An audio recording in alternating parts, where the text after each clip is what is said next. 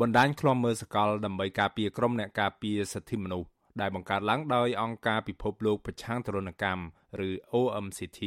និងអង្គការសហព័ន្ធសិទ្ធិមនុស្សអន្តរជាតិ FIDH ព្រួយបារម្ភជាខ្លាំងអំពីករណីអាញាធរកម្ពុជា នៅតែបន្តយាយីតាមផ្លូវច្បាប់ និងប្រព័ន្ធតុលាការលើក្រុមអ្នកការពារបរិស្ថាននិងដីធ្លី ពួកគេថ្កោលទោសរបបក្រុងភ្នំពេញចំពោះការចាប់ខ្លួនតាមអំពើចិត្តលើអ្នកការពារបរិស្ថានវ័យក្មេងទាំង6រូបនៃចលនាមេដាធម្មជាតិបណ្ដាញអន្តរជាតិដដែលនេះចាត់ទុកថាចំណាត់ការរបស់អាជ្ញាធរកម្ពុជានេះគឺជាចេតនាដើម្បីដាក់ទណ្ឌកម្មចំពោះភាពសកម្មនិយមស្របច្បាប់របស់សកម្មជនទាំងនោះនៅក្នុងកិច្ចការពារសិទ្ធិមនុស្សនិងបរិស្ថាន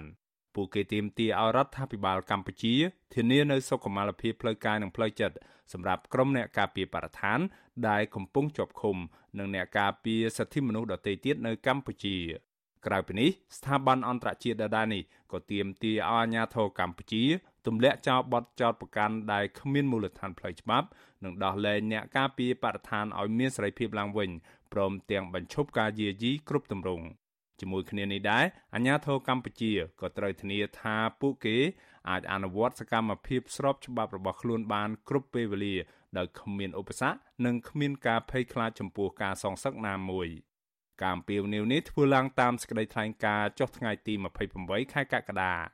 បណ្ដាញឃ្លាំមើលសកលដើម្បីការពារក្រុមអ្នកការពារសិទ្ធិមនុស្សបានបញ្ជូនសេចក្តីថ្លែងការណ៍របស់ខ្លួននេះទៅលោកនាយករដ្ឋមន្ត្រីហ៊ុនសែនរដ្ឋមន្ត្រីក្រសួងមហាផ្ទៃលោកសខេង រដ្ឋមន្ត្រីក្រសួងយុទ្ធភ័ពលោកកើតរិទ្ធនិងរដ្ឋមន្ត្រីក្រសួងការបរទេសលោកប្រាក់សុខុន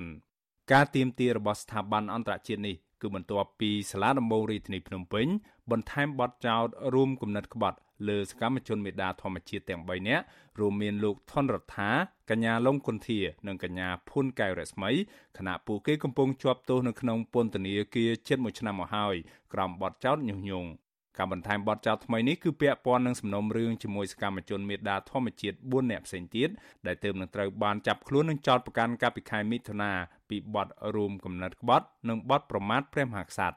អ្នកទាំង4នោះរួមមានលោកយឹមលៀងហ៊ីកញ្ញាសុនរដ្ឋាយុវជនលីច័ន្ទដារាវុធដែលកំពុងជាប់ឃុំនៅក្នុងពន្ធនាគារព្រៃសរនិងលោក Alejandro Gonzalez Davidson ដែលកំពុងស្ថិតនៅក្រៅប្រទេស ទាក់ទងនឹងករណីនេះសមាជិកនឹងជាអ្នកនាំពាក្យគណៈកម្មាធិការសិទ្ធិមនុស្សរបស់រដ្ឋាភិបាលលោកកតាអូនឆ្លើយតបថាការទីមទានេះរដ្ឋាភិបាលមិនអាចជួយផ្ដល់ដំណោះស្រាយបាននោះទេព្រោះសំណុំរឿងនេះស្ថិតនៅក្នុងដៃតុលាការយើងគួរតែប្រើប្រាស់យន្តការតុលាការនេះតាមរយៈនីតិវិធីក្នុងការទៀមទា តាមរយៈមេធាវីការបង្ហាញផុសតាងការបង្ហាញសាកសីនៅក្នុងការបោះបន្ទុកប្រសិនបើយើងមិនពេញចិត្តទៅនឹងចំណាត់ការតុលាការយើងមានសិទ្ធិប្តឹងទាស់ប្តឹងជំទាស់ឬមួយក៏ប្តឹងទៅឧទ្ធរផ្សេងទៀតនេះហើយគឺជាបែបបទនៅក្នុងវិស័យតុលាការជារួមយើងមិនអាចសន្និបាតជាមុនចុះឲ្យតុលាការបានទេថានេះគ្មានទោសឬនោះគ្មានទោស ទោះជាយ៉ាងណាមេធាវីការពារក្តីឲ្យអ្នកការពារបរិស្ថានទាំងនេះគឺលោកសំសកុងថ្លែងថាការបន្ថែមបទចោទថ្មីលើកូនក្តីរបស់លោកនេះគឺជារឿងអយុត្តិធម៌និងមិនមានលក្ខណៈត្រឹមត្រូវតាមផ្លូវច្បាប់នោះទេព្រោះកូនក្តីរបស់លោកទាំង3នាក់ត្រូវបានតឡាការឃុំខ្លួននិងកាត់ទោសពីបទញុះញង់រួចទៅហើយអំឡុងពេលដែលមានបទចោទថ្មីកើតឡើង។ លោកបន្តថាតាមគោលការណ៍ច្បាប់ជាតិនិងអន្តរជាតិស្ដីពីអាញាអស់ជំនុំចែងថាជនណាក៏ដោយដែលត្រូវបានតឡាការកាត់ទោសរួចហើយនោះគេមិនអាចយកជននោះមកកាត់ទោសចំពោះអំពើដដែលនោះទៀតបានទេបើទោះបីជាការកាត់ទោសនោះធ្វើឡើងក្រោមការកំណត់ឈ្មោះបទល្មើសថ្មីផ្សេងទៀតក៏ដោយឬក៏ការកាត់ទោសដោយតឡាការណាមួយផ្សេងទៀតក៏ដោយ ម្យ៉ាងវិញទៀតលោកអាហាងថាសកម្មភាពការពារបរិស្ថាននិងធនធានធម្មជាតិរបស់កូនក្តីលោកទាំងអស់នេះមិនមែនជាអំពើល្មើសច្បាប់នោះទេក៏ប៉ុន្តែ គឺជារឿងគួរឲ្យកោតសរសើរថែមទៀតផងការចាប់ប្រកាន់នេះមិនទាន់មានលក្ខណៈអាចទទួលយកបានទេហើយក្រុមមេធាវីការពារកំពុងតែត្រៀមហើយក៏រៀបចំរកផោះតាងដោះបន្ទុកផ្សេងៗដើម្បីធ្វើការដោះបន្ទុកចំពោះក្បត់ចាប់ប្រកាន់ថ្មីក្រោយនេះ ជុំវិញរឿងនេះនាយករងទទួលបន្ទុកផ្នែកឃ្លាំមើលសិទ្ធិមនុស្សនៃអង្គការលីកាដូលោកអំសមាតមានប្រសាសន៍ថាលោកមិនចាប់អារម្មណ៍ចំពោះការលើកឡើងរបស់តំណាងរដ្ឋាភិបាលនោះទេព្រោះមន្ត្រីទាំងនោះតែងច្រានចោលរបាយការណ៍និងសេចក្តីថ្លែងការណ៍របស់ក្រុមអង្គការជាតិនិងអន្តរជាតិ លោកអំសមាតបន្តថាតាមទស្សនវិជ្ជាជាក់ស្ដែងការចាប់ខ្លួនក្រុមអ្នកការពារបរិស្ថានកន្លងមកត្រូវបានគេមើលឃើញថាជាការរំលោភបំពានទៅលើសិទ្ធិសេរីភាពជាមូលដ្ឋាន